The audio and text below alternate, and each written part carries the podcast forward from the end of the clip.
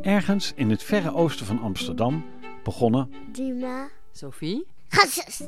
en ikzelf in 2010 in B zonder B. In bed zonder breakfast. We zetten de grootste en de mooiste kamer van ons huis op internet, zodat bezoekers van de stad bij ons konden logeren. Over de wonderlijke reizen die we vervolgens in ons eigen huis maakten, schreef ik, Pieter Bas van Wiegen, meer dan 30 stukjes in het parool. Veel mensen wilden die verhalen nog een keer horen. Vandaar is er nu voor iedereen op reis en voor iedereen die thuis op de bank zit, de B zonder B podcast.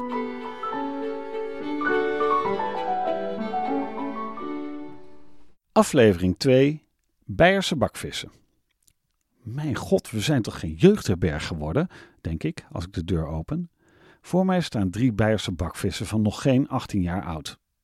In het mailcontact en op het profiel van Babette was hier niets van te merken. Volwassen teksten en een volwassen foto. Maar nu staan er talloze nog nauwelijks opgedroogde pukkeltjes voor me. De drie dames hebben hun arbituur net op zak en dat moet snel gevierd worden. Waar is onze kamer? vraagt Babette een beetje ongeduldig. Ik ga voor ze de trap op naar onze B zonder B. En ik voel hoe ze me links en rechts zouden willen passeren. Eenmaal in hun kamer spatten hun gespannen tassen uiteen. In enkele ogenblikken is de hele 16 vierkante meter van de door ons verhuurde kamer bezaaid met kleren, schoenen, mascara en oogpotloden. En dan komen de vragen. Hoe laat moeten we thuis zijn? Nou ja, zo laat als je wil, antwoord ik. En hebben jullie extra handdoeken voor onze haren? vraagt Babette. Ik geef ze enigszins besmuikte drie versleten handdoeken die wij al honderden keren hebben gebruikt. Hebben jullie geen spiegel? vraagt Constance een beetje verbaasd. Ik wijs haar op de enige spiegel die we hebben, in de badkamer. Is dat alles? Hmm, dat gaat wel tijd kosten, zegt ze. De dames trekken zich terug om anderhalf uur later haast onherkenbaar door lage make-up de trap af te komen.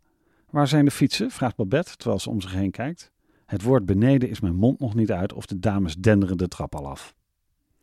Ik haast me achter hen aan. Buiten krijg ik nauwelijks de tijd om uit te leggen hoe de fietssloten werken. Ik zie ze wegzwalken, de stad in. Eenmaal rustig op de bank slaat de schrik mij om het hart. Help, wat gaan deze dames eigenlijk precies doen in de stad? Zelf in bed kan ik de slaap niet vatten. Waarom mochten ze thuiskomen zo laat als ze wilden? Straks nemen ze hier drie stomdronken getatoeëerde Britten mee naartoe. En wat als ze aan de paddo's gaan? Krijg ik dan straks woedende ouders aan de lijn? Om half twee hoor ik ze eindelijk thuiskomen. Ik probeer het aantal voeten op de trap te tellen. Zijn het er te veel of juist te weinig? De sleutel gaat soepel in het slot en niet veel later is het doodstil. De volgende dag twijfel ik. Ik ben er niet helemaal gerust op en besluit de gang naar mijn kantoor niet te maken. Tegen een uurtje of half twaalf laat het eerste bakvisje zich zien. Goedemorgen, mag ik voor nu misschien een kopje thee zetten? vraagt ze vriendelijk.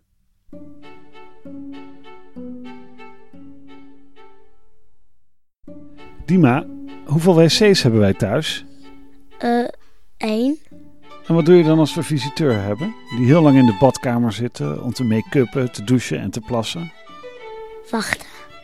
En als je zelf heel nodig moet? Dan roep je. En doen ze dan de deur open? Eh, nee. En wat doe je dan? Dan ga je je plaats achteruit doen en, en nog langer wachten.